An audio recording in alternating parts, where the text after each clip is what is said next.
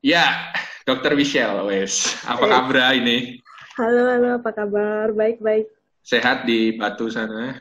Sehat, sehat. Ya, kerasa udah berapa bulan lo di sana? Um, udah dari November akhir ya. November ya. Berapa bulan tuh? Masuk ya, mau iya. 8, 9. Mm -mm. Sembi iya masuk 9 bulan sih. Gimana di era kok di era Covid ini apa di rumah sakit cukup menegangkan atau malah jadi menyenangkan? Uh, iya menegangkan iya sih ya pastinya lah ya kan kayak pandemi kita nggak tahu yeah. siapa yang kena siapa yang enggak gitu. Iya, gue sempet denger yang lu sempet harus karantina pribadi ya karena karena ada sesuatu. Wah itu gue wah tantangannya dokter luar biasa ya di zaman zaman. Iya iya. iya. Nah gini dok, kita nggak ngomongin covid. Tapi kita akan ngomongin soal di dengar anugerahnya ini kita ya dengar kesaksian ada, kita ngulik sesuatu ada lah. Ini saatnya kita coba mengulik secara edukasi dengan tepatnya secara perspektif medis tentang rokok dan vape ini. Nanti Hai. yang lain sambil ke sana deh. Karena kenapa? Gue penasaran banget karena entah kenapa, entah kenapa, gue ngerasa rokok dan vape ini selalu jadi buat remaja pemuda ini adalah sesuatu yang bisa dibilang membuat makin penasaran, pengen dicoba, dan kadang ada yang bilang it's cool gitu, hmm. bisa itu.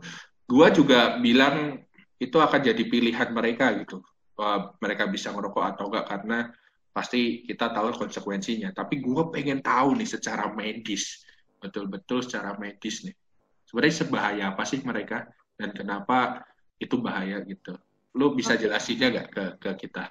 Iya, uh, ya tentu uh, maksudnya kita selama ini tahu ya kalau misalnya rokok tuh kita paling banyak tahunya kayak rokok tuh bahaya buat eh, paru-paru paling banyak kan betul, kan pasti bilangnya betul. kanker paru gitu kan pasti yang kita tahu. Jantung. Ya, tapi sebenarnya banyak efek-efek lain dari rokok yang bisa mempengaruhi tubuh kita. Efek Lebih, lain. Uh, iya, maksudnya lebih banyak uh, bisa ke organ-organ lain selain cuma ke paru atau ke jantung. Apa nah, tuh kalau boleh tahu? Jadi yang pertama tadi kan udah disebut jantung sama hmm. pembuluh darah. Jantung hmm. kaitannya pasti sama pembuluh darah, udah hmm. udah pasti itu sambungannya. Hmm. Jadi yang pertama kandungan um, penyakit jantung ini dia bisa nyebabin uh, sorry sorry. Jadi rokok ini bisa menyebabkan meningkatnya resiko terkena penyakit jantung koroner. Oh, itu yang pertama. Jadi, Jadi meningkat ya, resikonya meningkat. Iya meningkat. Jadi uh, selain rokok ya banyak sebenarnya faktor-faktor lain yang bisa menyebabkan penyakit jantung koroner. Oh, tapi kolesterol. Rokok, ya contohnya kolesterol benar. Uh, tapi rokok ini juga salah satu yang meningkatkan risiko terjadinya penyakit jantung koroner.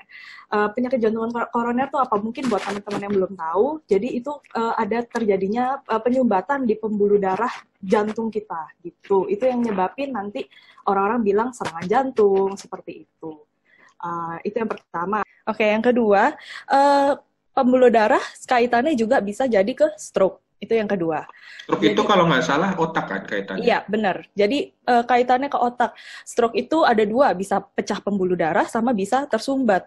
Gitu. Jadi stroke itu apa? Stroke itu ya jadi tiba-tiba orangnya jadi uh, lemas separuh, bicaranya pelo, seperti itu. Itu yang kita sebut dengan gejala stroke.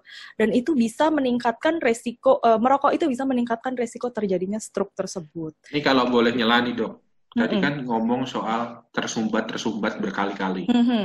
Yang bikin nyumbat apanya rokok sih?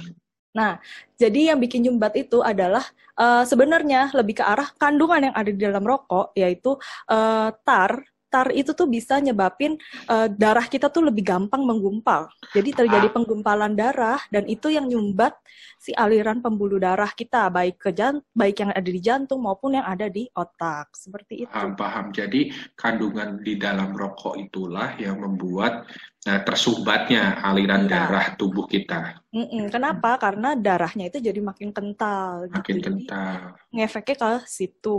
Itu, itu kalau boleh tahu ya, ini kan selalu jadi alasan excuse lah buat banyak orang. Mm -hmm. Eh buktinya gue sehat-sehat aja, buktinya gue masih bisa ini. Apakah itu akan akumulatif atau numpuk-numpuk? Apakah bisa kapan aja itu terjadi penumpukan itu? Tergantung pribadinya masing-masing. Oke, okay, jadi uh, kan kita sebutnya merokok itu adalah faktor risiko. Jadi faktor ya memang risiko. Iya, faktor risiko. Merokok merupakan faktor risiko yang meningkatkan uh, risiko terjadinya penyumbatan di otak segala macam.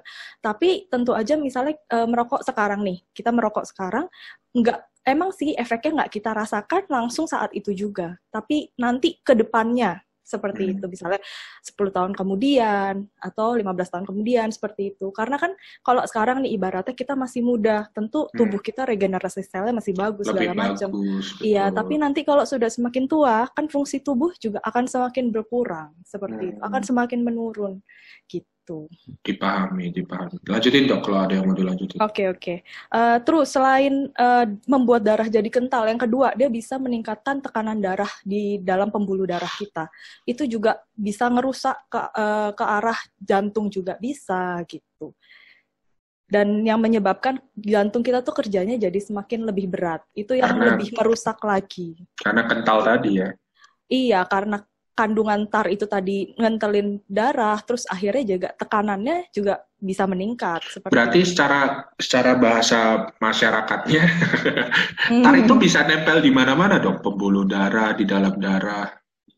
Tar itu uh, kandungan, jadi kandungannya si tar itu ya dalam bahasa lainnya ya dia bisa mempengaruhi ke ke, ke darah kita. Ke darahnya. Iya kan kekentalan darah yang menyebabkan ya dia akhirnya jadi gampang menggumpal hmm. gitu. Jadi nyumbat itu tadi ya.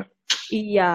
Dan selain itu benar juga tadi dia bisa mempengaruhi ke arah penyempitan arteri. Jadi kan arteri nah. kita ah. tuh elastis seharusnya. Betul, harusnya. Memang iya, harusnya yang bagus ya, elastis. Dia bisa menyempit, bisa melebar seperti itu.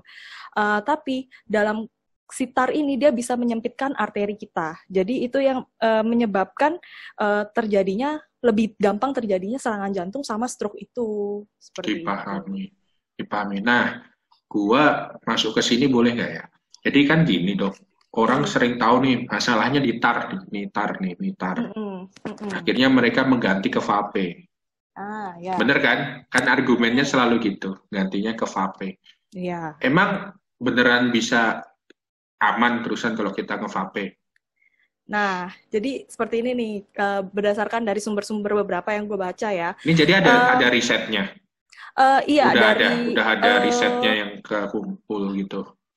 Uh, gue baca dari American Heart Association sama wow. dari John Hopkins punya medical ini. Okay, Memang okay. sih uh, mereka menyatakan kayak penelitian yang lebih uh, khusus lagi yang menyatakan vape itu vape ini uh, efek langsungnya ke tubuh ini seperti apa memang belum banyak memang belum, belum banyak, banyak. Belum ya banyak. memang belum banyak tetapi memang uh, mereka menyatakan bahwa uh, vape itu bukan apa namanya safer uh, alternatif bukan alternatif yang lebih aman atau oh, lebih iya. sehat dari merokok. Seriusan?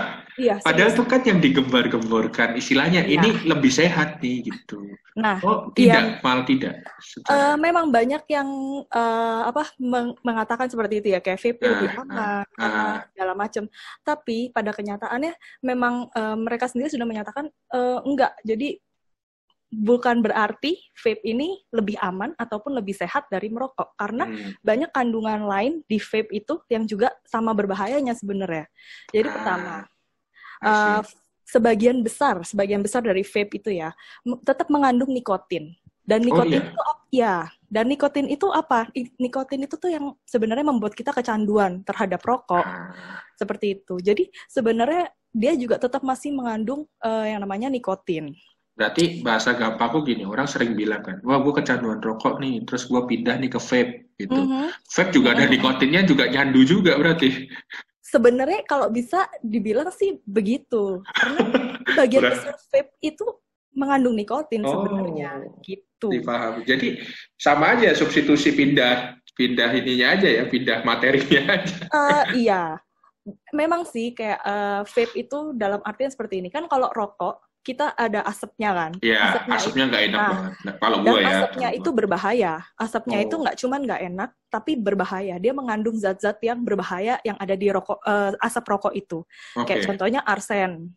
Arsen, oh ya, ya, arsenik benzen, iya, benzen itu yang ada di bensin biasanya. Yeah. Terus sianida itu uh, ada di buangan asap rokok gitu. Itu okay. makanya, ya, makanya kayak uh, apa second hand smoker uh, lebih bahaya kadang. pasif ya perokok pasif itu juga sama berbahayanya. Memiliki risiko yang sama untuk terkena uh, kanker dengan sama seperti orang yang merokok gitu. Sama berbahayanya jadi. Gitu. Wah, nah berarti... sih si vape itu nggak uh, mengeluarkan apa bau ya residual itu. ya nggak mengeluarkan residual residual seperti asap rokok. Tapi uh, selain itu dia juga mengandung chemical yang lain kan. Mengandung iya, iya, zat-zat yeah. kimia itu baunya bisa wangi banget loh kadang iya benar-benar dan ya zat-zat lain itu juga sama berbahayanya gitu. Sama bahayanya. Iya, contohnya ada logam beratnya di situ. Oh iya. Tuh. Iya, uh, dari yang uh, gue baca gitu. gitu. Mm -mm. Uh, lebih ke arah nika, uh, nikel, timah wow. dan timbal yang wow. gue baca seperti itu. Oke, itu berat banget loh itu logam-logam. Iya, logam berat. Terus ada juga zat-zat yang bisa menyebabkan kanker juga di vape itu, wow. gitu. Iya, dan cairan yang buat ngisi vape-nya itu juga kalau yang uh, gue baca berbahaya juga apabila uh, misalnya nggak sengaja ketelan yeah. atau misalnya kita kehirup uh, cairannya itu atau misalnya kena percik ke mata itu juga bahaya. Jadi sebenarnya sama, sa, uh, menurut kalau menurut gue sih ya tetap sama bahayanya sih gitu. Iya, yeah, iya yeah, paham bang. Ini dua hal yang aku pikir vape itu lebih aman banyak gitu. Mm-hmm. Ternyata setelah tadi dokter Michelle bilang bukan yang menggantikan tapi resiko bahaya juga ada. Wah, saya iya, jadi berpikir tetap. ini. Ini berarti dua material yang berbeda ya sebenarnya. Tapi uh, iya. sama-sama sama-sama berbahaya. Sama-sama gitu, berbahayanya. Begitu. Kalau Um, dari beberapa sumber yang gue baca begitu. Mereka menyatakan tetap berbahaya vape itu, jadi jangan dianggap uh, oh vape itu nggak ada bahayanya. Hmm, mereka menyatakan enggak, tetap ada bahayanya seperti tetap itu. ada bahaya. Jadi iya, tetap harus hati-hati. Gue ada pertanyaan iseng dok, bukan iseng sih, cuma mm -hmm. gini. Kadang kan kita ter, ter, terjebak dengan uh, patriarki ya, cowok yang rokok gitu. Tapi mm -hmm. realitanya di Jakarta ini udah rokok itu cewek pun juga ngerokok. Yeah bahkan uh, vape pun eh vape kayak merek. Vape itu udah di mana-mana itu juga hal yang iya, iya. wajar ya kita temuin gitu. Mungkin dokter ketemu temennya juga hal yang wajar ketemu mereka. Tapi pertanyaanku adalah aku iseng nih pengen tanya bukan iseng tapi kurios pengen tanya lebih bahaya cewek merokok atau cowok merokok atau ini sebenarnya sama aja?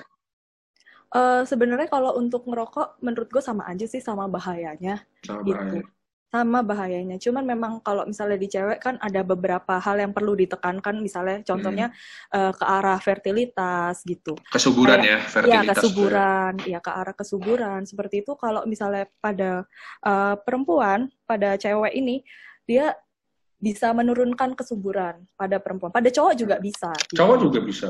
Cowok juga bisa hmm. menyebabkan impotensi. Makanya kita kalau misalnya sering baca-baca di bungkus itu kan ada kan dapat ya, menyebabkan salah satu impotensi. Impotensi, gangguan itu. kehamilan dan iya, janin. Ya, benar. Itu itu memang benar gitu. Hmm. Karena jadi rokok itu bisa menurunkan kesuburan baik pada pria maupun pada wanita. Gitu. Vape juga berarti.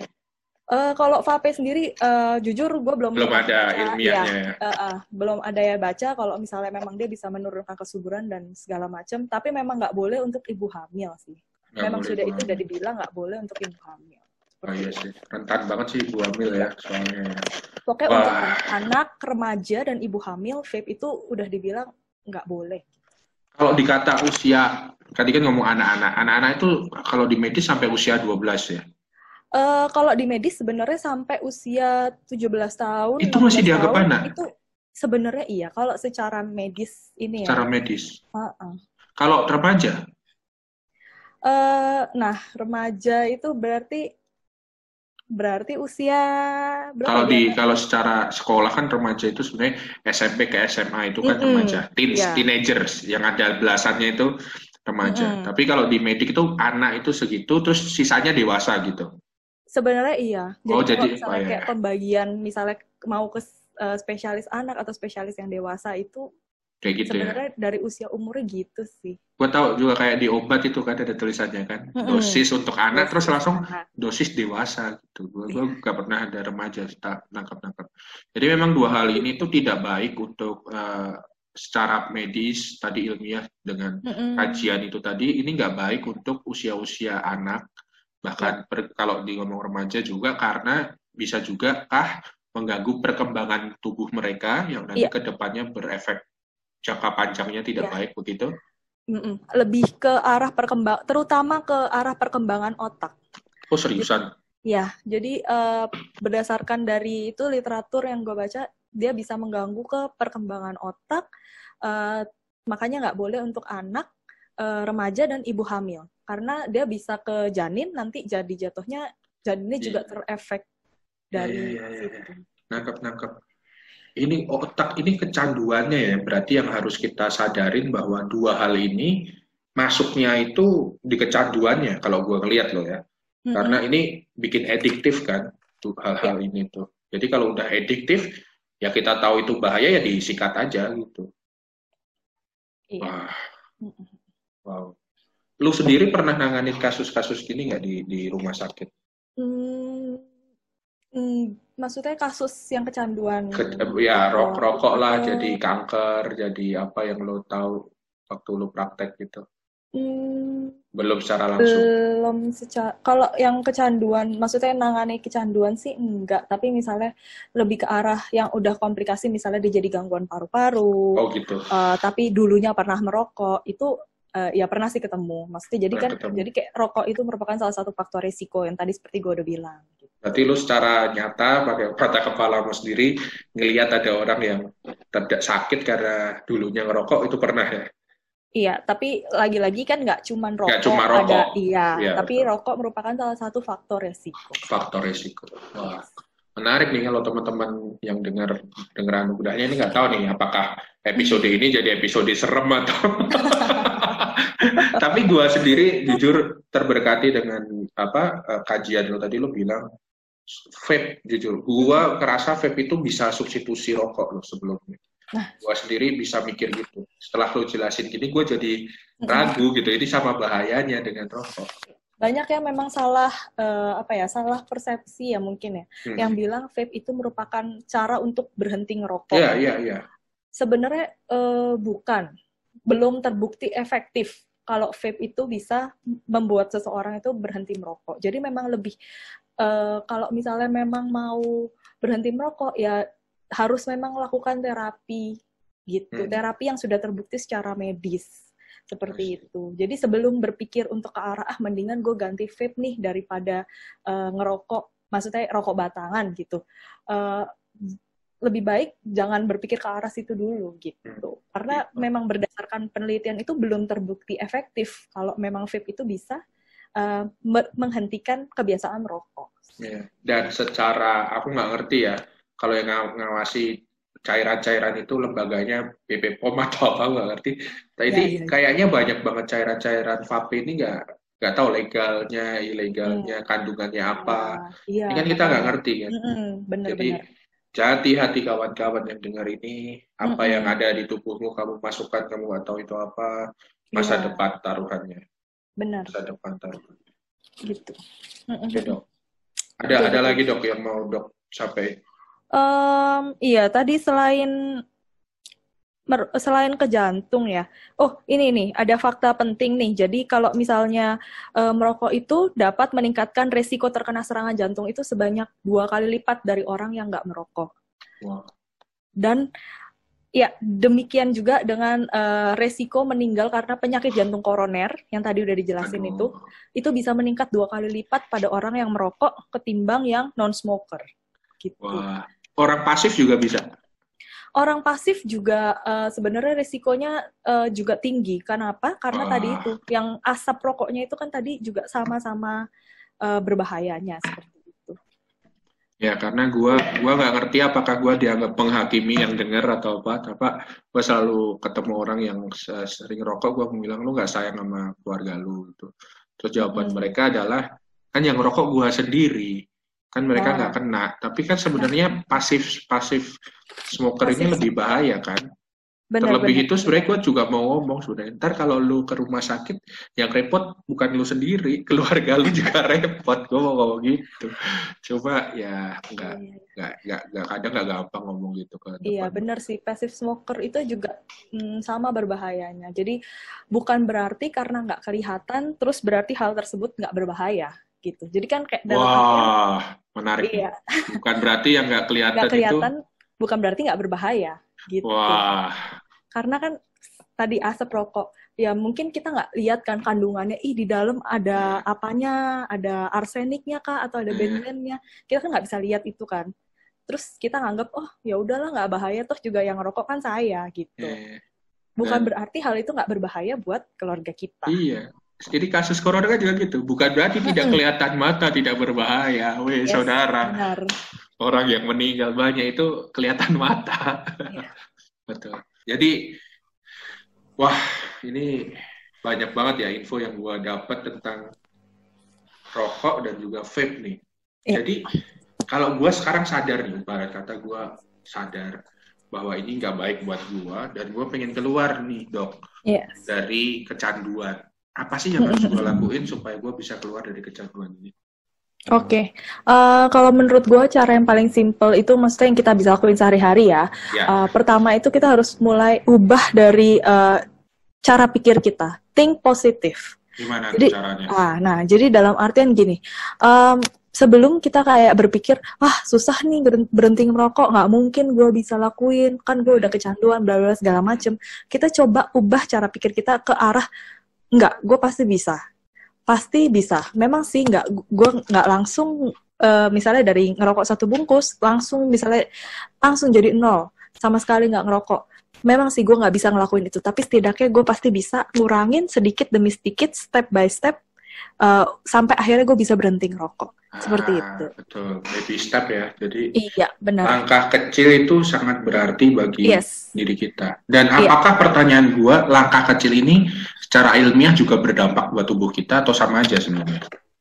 Uh, pastinya uh, pastinya berdampak dong kok maksudnya kan uh, misalnya kalau misalnya ngerokok nih uh, awal-awalnya pasti yang kita ngerasain apa sih? Pertama ya pasti sesak nafas ya kan? Hmm. sering batuk-batuk uh, segala macam ya misalnya dengan kita ngurangi rokok pasti kan juga kita bisa berkurang seseknya batuknya juga bisa kurang gitu.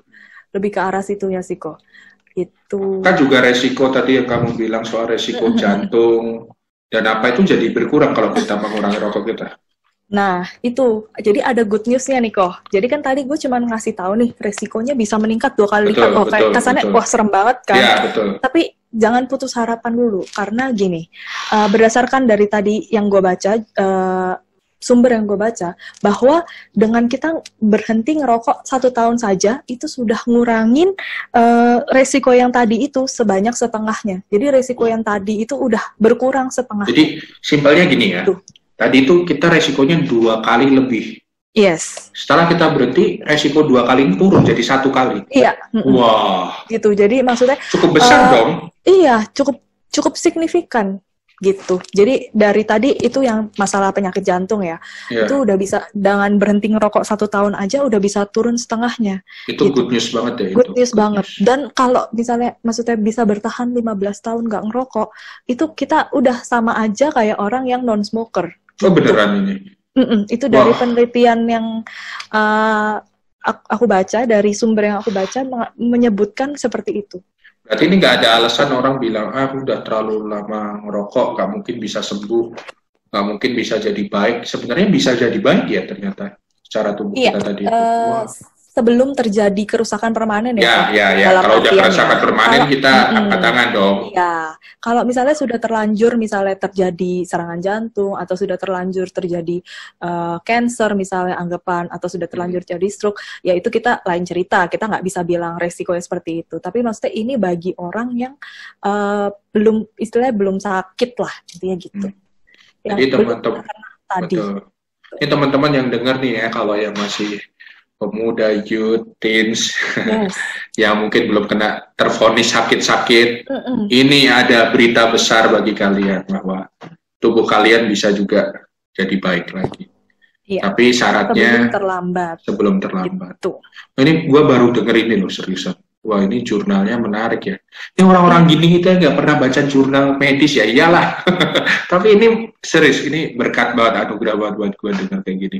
Tadi lu bilang pertama bahwa mindset mindsetnya harus positif. Kemudian yes. ada lagi nggak apa yang harus kita lakukan? Nah, yang kedua kita bisa buat plan. Jadi maksudnya plan. Iya, bikin plan untuk uh, ngurangi uh, merokok. Jadi uh, misalnya nih kan kita tadi yang seperti gue udah bilang susah lah pasti untuk dari uh, satu bungkus jadi tiba-tiba nggak ngerokok sama sekali pasti susah gue tahu. Hmm. Jadi bisa caranya adalah dikurangi bertahap bertahap. Jadi misalnya making plan, oh iya deh ya udah kalau gitu selama seminggu misalnya gue mau kurangin dari satu bungkus jadi uh, kurangin deh dua dua batang atau tiga batang gitu dan harus dilakukan berulang-ulang karena kayak menurut gue kebiasaan atau habit itu adalah kalau kita lakukan suatu tindakan berulang-ulang gitu. Uh, paham paham. Jadi artiannya niatan kita ini nggak cuma jadi niat tapi juga jadi habit. Harus yes harus hmm. dilakukan. Jangan cuma kayak kita niat oh iya gue niat kok gue niat tapi nggak ada uh, apa ya namanya nggak ada um, aksi nyatanya. Ya, Betul, tidak ada aksi nyatanya. Salah satunya dengan ngeplan tadi ya dan hmm. itu nggak masalah kita bertahap demi sedikit sebenarnya nyambung sama yang pertama tadi ya yes nggak masalah karena maksudnya dibanding kita terus menerus uh, dibanding kita dalam tanda kutip menyerah lebih baik kita nggak apa-apa baby step step by step tapi yang penting hmm. ada kemajuannya terus sampai Betul. akhirnya kita bisa stop sama sekali Betul. gue jadi ingat bokap gue deh dulu dia dua tahun deh kalau aku nggak salah ngitung berhenti rokok itu gitu 16 biji satu pak yang gede ya. turun ke 12 nah. 12 turun ke jadi satu pak dua dua hari dua terus lama-lama jadi enggak gitu dan ya, benar. dan itu memang butuh waktu yes. kita kita supportnya ya kita pengertian enggak enggak tiba-tiba mohon maaf gua nggak pernah bilang papaku pas ngurangin aku kayak enggak aku ingat aku nggak pernah bilang kayak apa ini niat gak sih berhenti nggak gitu ah, sih iya. gua gua ngerasa ingat kok kalau papaku berubah pelan-pelan kita kita tetap support terus kok. Yes, benar. Ya. Apalagi nih? Ya, menyambungnya dari tadi udah kok Dante bilang, support system itu perlu. Oh, jadi benar ya, support yes, system. Benar. Ya? Support system dan uh, gimana ya, mencari komunitas yang sama-sama nggak merokok seperti hmm, itu kok. Itu jadi kayak, juga. Yes, karena kalau misalnya ibaratnya, misal kita uh, bergaul ya, bertemannya sama teman-teman yang nggak merokok juga, kan kita pasti juga rasanya jadi apa ya eh, nggak uh, enak kalau merokok di depan mereka kan terus hmm. akhirnya kita kan jadi akhirnya nggak ikutan nggak ngerokok juga gitu tapi jadi, ini support ada system penting support system penting betul kayak kata firman Tuhan nah, hmm. manusia menajamkan sesamanya pergaulan yang baik yes. yang buruk tapi gua mau ini kak ini pandangan gua ya jadi teman-teman yang yang apa namanya uh, shifting ke komunitas jangan bukan berarti kemudian bisa bukan berarti kemudian menghilangkan teman-temannya yang dulu gitu. Oh ya. Dan juga waktu dia ganti istilah bukan ganti sih maksudku saat dia ke komunitas yang lebih tidak merokok dia juga nggak jangan jangan menutup nutupi kalau dia itu sedang hmm. sedang struggling untuk berhenti. Jadi ada pengakuan dari dirinya dia untuk dia ngaku bahwa oh gua memang sedang tahap uh, apa namanya berhenti merokok. Jadinya nggak nggak nggak nggak bohong gitu. Mas gue nggak bohong tuh gini. Kadang kita malu nih. Malu akhirnya kita di depan yang nggak ngerokok nggak ngerokok terus kemudian di depan teman-teman yang ngerokok itu wah bisa bisa nah, nah itu juga juga iya, hal iya. yang baik juga. Makanya berdamai dengan diri sendiri dengan yes. mengakui itu usaha yang penting. Dan juga ini lebih para pendengar yang tidak merokok. Jangan kita gampang uh, menghakimi teman-teman yeah. yang merokok dengan mendosa-dosakan mereka. Terkadang kita nggak mau bilang, kok kamu dosa ini, baik Allah nggak pak.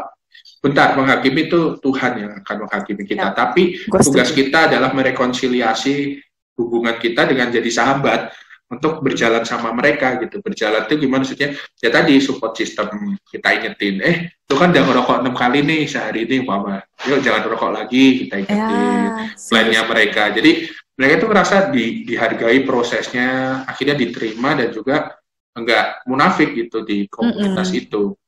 Yeah. Bagi gua dosa nggak dosa itu sama aja kok. Kadang kayak orang yang makan kolesterol terlalu banyak juga kayak orang berdosa juga dia mah bikin darah mengental yeah. sendiri itu sendiri makanya maksud gua bukan gua ngajarin kita nggak bener gitu. Coba maksudnya yuk shifting pandangan kita untuk menempatkan hmm. diri sebagai sahabat. Teman-teman yes. ini tuh mungkin butuh butuh tempat untuk diterima gitu. Lah kita yeah. belum apa-apa udah nolakin mereka yang merokok. Karena apa gue bilang gini deh, gue pernah ada orang merokok, lagi konseling sama gue gitu terus hmm. dia bilang gue dulu pecandu bang gitu gue ngerokok ini buat ganti candu yang narkoba gitu hmm. oh aku bilang oke okay, it makes sense tapi kamu tahu kan rokok itu gini gini gini gue nggak sedang melarang lo sekarang tapi gue mengingetin lo sebagai teman gitu gue hmm. menghargai hidup lo supaya lebih baik aku bilang gitu gitu dan tuh jadi dia ngerasa seneng gue bisa terima dia gitu. Nah ini yang gue mau bilang ke teman-teman, nambahin apa yang Michelle bilang, komunitas itu uh, support system tuh penting. Kalau itu dari gue sih, menurut lo gimana? Bener ya, gak? Bener-bener. Ya, gue setuju sih kok. Uh, yang pertama tadi bener yang kayak udah lo bilang, harus apa jujur dengan diri sendiri ya. Jadi hmm. maksudnya kalau memang kita lagi struggling, jangan ragu untuk cari bantuan gitu. Ya, jangan ragu untuk bilang ke sahabat kita, ke komunitas kita, atau misalnya ke siapa orang terdekat kita. Kalau memang kita tuh mau berusaha untuk berhenti gitu. Betul. Dan kalau misalnya kita juga sebagai keluarga atau teman terdekat dari orang-orang yang sedang berusaha itu, uh, maksudnya kita juga jangan langsung main uh, marahin tapi nggak ada solusi gitu. Yeah, yeah, Jadi yeah. maksudnya uh, kita harus kita marahin boleh, tapi maksudnya ma dalam artian marahin uh, dengan cara yang benar gitu. Maksudnya lebih ke arah menasehati kali ya kok dibanding memarahi gitu. Dan selain itu juga kita harus tetap support dia, ngingetin. Jadi kayak misalnya uh, yang tadi kalau Dante udah bilang, eh hari ini udah ngerokok berapa nih? Ya udah, yuk stop dulu gitu misalnya. Yeah. Atau uh, yuk misalnya kayak uh, yuk jangan beli rokok lagi atau apa gitu ngingetin lebih ke arah betul. mengingatkan dan selalu supporting betul. selalu bilang sama orang bahwa menasehati namanya menasehati ya harus pakai hati ya. bukan kemudian saya enak jidatnya marah-marahin ya, ya, ya. lu tuh nggak tahu didengar ya gitu itu banyak ah, yang akhirnya ya. orang nyerah eh tapi ini make sense yang kamu bilang berpikiran positif uh, kemudian yes. apa namanya bikin, bikin plan, plan dan juga komunitas, komunitas. ini tuh something real banget nih. Jadi kita iya. nggak yeah. ngomong sok-sokan gitu, tapi ini something yang real banget yeah. biar orang mengubah habitnya. Ada lagi nggak dok selain tiga hal ini atau ini aja? Um, ya tentunya kalau misalnya memang sendiri kita nggak bisa atau misalnya kita uh, malu untuk ngomong ke teman kita atau ke keluarga uh, ya misalnya seperti itu terus misalnya kita punya uh, kenalan dokter atau ya kita punya dokter keluarga ya kita bisa minta bantuan dari hmm. uh, pihak uh, ya, medis ya, juga medis. bisa maksudnya iya jadi mereka kan juga bisa membantu uh, gimana misalnya membantu buat plan gimana caranya untuk ngurangin seperti itu dan gitu terlebih daripada ter, terlebih daripada itu semua kita itu dimampukan Kristus kita udah dimerdekakan yes. dan Tuhan yang memampukan kita kalau kita yeah. datang pada Dia gue yakin apa aja kita dimampukan sih salah satunya yeah. terbebas dari kecanduan rokok ataupun mungkin kecanduan vape. Di luar sana ada banyak kecanduan, kecanduan film porno kah, eh, kecanduan yep. bensin, lem atau banyak banget. Tapi uh, bahkan kecanduan ini yang sekarang banget nih, apa jadi youtuber yang nggak berfungsi. itu tuh banyak loh orang-orang tuh nggak tahu cari perhatian gitu. Tapi balik kalau kita tahu itu bukan yang benar datang kepada yes. Tuhan gue yakin mm -mm. Tuhan akan mampukan kita dan mempertemukan dengan ya. orang-orang yeah. yang juga akan support kita gitu tugas Betul. kita aja jadi sahabat buat mereka yeah. wah ini Betul. kalau dokternya kayak lu gini sih orang berhenti ngerokok sih Sel Waduh, semoga ya kok. Kayak kadang, kadang kan di, cuma dimarah-marahin doang, nggak diajarin. Kalau bikin iya. plan, yuk bikin. Mm -hmm. Ini, ya, ini karena, something real memang sebenarnya apa ya kan karena kita semua tahu lah ya pasti susah yang namanya mau berhenti gitu. Susah, susah banget gitu. Seperti saya susah oh, berhenti iya. makan nasi uduk. Waduh. Saya harus mengurangi harus bikin plan juga itu kok berarti kok. Misalnya seminggu, seminggu tiga kali. satu ya ber, ntar kurang seminggu jadi cuma boleh dua kali. saya malu berkurang saya malu. seminggu sekali gitu kok. Saya malu saya malu. Saya malu saya malu. Kamu apa kok kita tetap support ya. kok terima kasih terima kasih. Saya akan mengurangi nasi uduk saya supaya saya tidak tetap gemuk lagi oh. ini thank you loh saya serius ingetin uh, kita untuk benar-benar melangkah yang paling kecil itu seperti apa. Yes, jangan malu sih kalau menurut gue walaupun cuman baru bisa satu step mengurangi satu batang rokok itu udah menurut gue itu udah suatu kemajuan Worth yang it, penting right. kan ya kan gitu satu Eh. batang satu batang satu batang lama-lama habis kan Betul, nanti tepat sekali. Tepat sekali. Ini ada pertanyaan iseng. Gua kalau ada nih, lu sebagai kakak nih, sebagai kakak, ceritanya lu sebagai kakak, nggak dokter, nggak sebagai kakak, ada adik-adik yang bilang, Ci, ini temanku ngajakin apa nge-vape gitu, Mhm. boleh nggak sih Ci? Lu jawabnya gimana?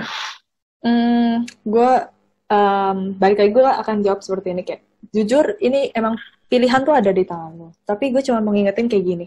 Uh, gue akan kasih tahu tentunya bahaya-bahaya tadi ya nge-vape apa bahayanya bisa bikin kecanduan juga karena tetap mengandung nikotin segala macam. Terus gue akan bilang uh, sekarang tetap pilihan ada di tangan lo. Lu udah tahu bahayanya seperti ini. Uh, apakah kamu masih tetap mau memasukkan zat-zat yang berbahaya tersebut ke tubuh lu dan merusak tubuh lu sendiri atau uh, lu bisa menolak itu gitu gue lebih ke arah maksudnya Ngajak mereka berpikir karena, iya eh, heeh. bertanggung Karena jawab kalau- ya.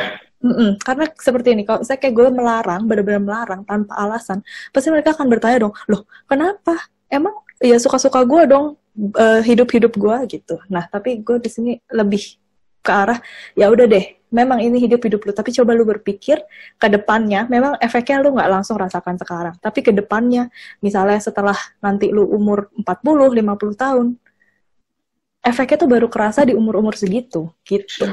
Betul. nanti eh, sesak nafasnya semakin berat, eh, batuk-batuknya semakin sering, misalnya ntar bisa kena penyakit jantung, segala macam itu efeknya tuh nanti baru kerasa setelah memang eh, misalnya 20, 15, 20 tahun lagi seperti itu. So sebenarnya kita lagi ngajak orang-orang yang pengen nyoba mungkin untuk berpikir Untuk Eh. berpikir ke depannya, akibatnya apa buat lo. yes. Dan benar. jangan nyesel nanti kalau itu Mm-mm. terjadi sama lo. Ya, karena ini kayak ibaratnya gini, eh, apa? Ini sesuatu hal yang bisa dicegah kan, seperti yang tadi gue udah bilang. Eh, ya sebelum terlambat, yuk lebih baik kita cegah daripada nanti sudah terjadi, baru kita menyesal di kemudian hari gitu kan.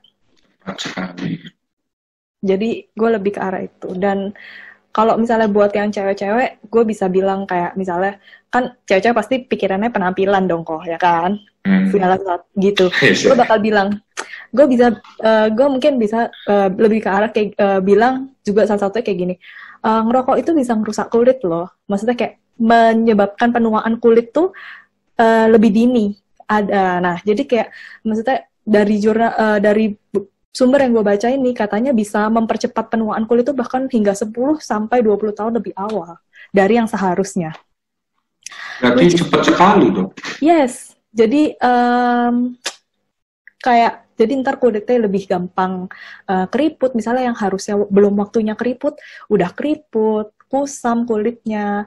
em, nanti juga bisa jadi Rambutnya rontok. eh, bisa iya, dong. bisa sih bisa. Botak Nah, bisa. terus kayak eh, nanti kulitnya jadi kusam, jadi lebih gelap. Maksudnya kayak eh, ya itu kan baru dari segi penampilan gitu. Itu yang kelihatan. Jadi gue bakal lebih ke arah itu yang kelihatan gitu. Yang enggak pun Yang Lebih bahaya. nggak kelihatan le- malah lebih bahaya lagi gitu. janinnya nggak sehat nanti. Yes, benar. Kanker juga. Kanker, resiko kanker meningkat dengan adanya rokok segala macem.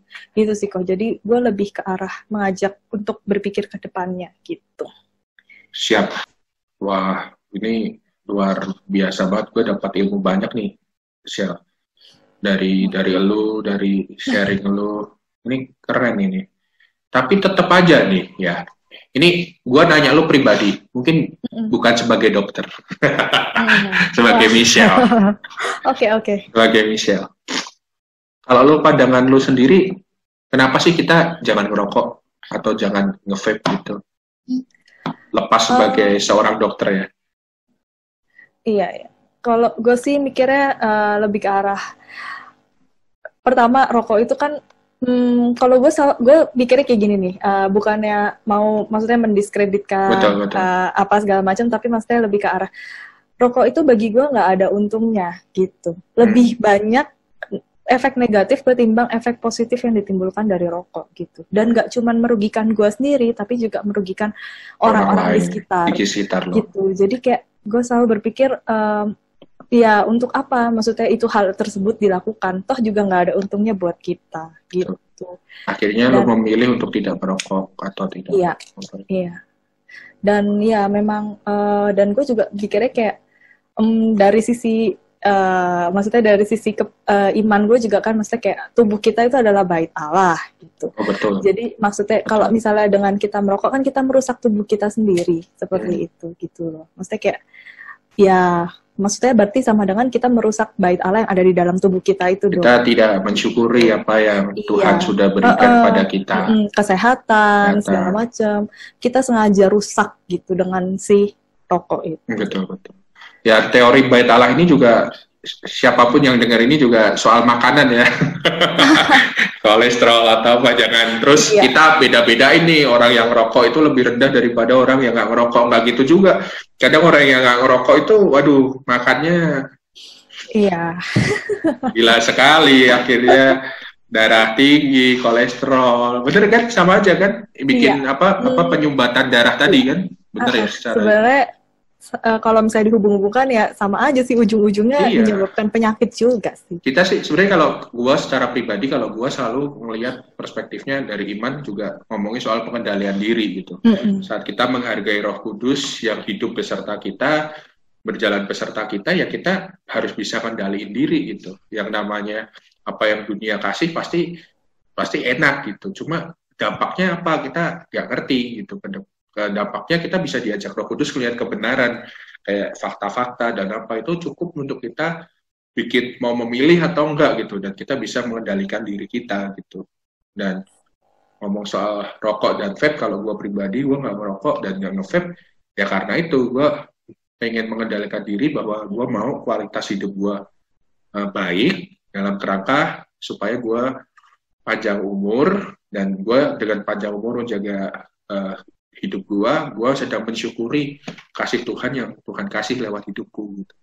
Karena itu mensyukuri nikmat Tuhan tuh luar biasa kalau bagi gua gitu. Jadi ya itu alasan gua nggak rokok. Gua uh, aku harap teman-teman yang dengar di sini kita tidak sedang mencoba menghakimi kalian tentang yeah. rokok atau vape, tapi kita sedang membaberkan fakta ilmiah nih. Tadi Michelle bilang diambil dari jurnal, itu berarti yeah. udah ilmiah banget tuh dan ada kajiannya. Dan aku aku salut sama lu, Michelle, bahwa lu uh, tidak membikin-bikin gitu. Kalau lu bilang nggak ada kajiannya, lu bilang nggak ada kajiannya mm -hmm. gitu. Yeah. Kadang kan orang ada aja tuh yang tapi kan ini tetap aja jelek, ini kan apa gitu tanpa ya. tanpa melihat fakta dan apa tapi lo bisa jujur buat teman-teman gue harap teman-teman yang didengar anugerahnya ini juga bisa mengambil sesuatu bahwa ini loh rokok ini lo vape mm-hmm. keputusan balik di mereka gitu cuma ya. kalau lo sayang sama orang-orang di deket lo gue himbau sih sebaiknya jangan dulu gitu karena kayak Michelle tadi bilang gitu kita efeknya nggak cuma ke kita ke orang lain yeah. juga mm -mm. bener ya benar benar bener banget setuju sih gue setuju sekali mm. wah yeah.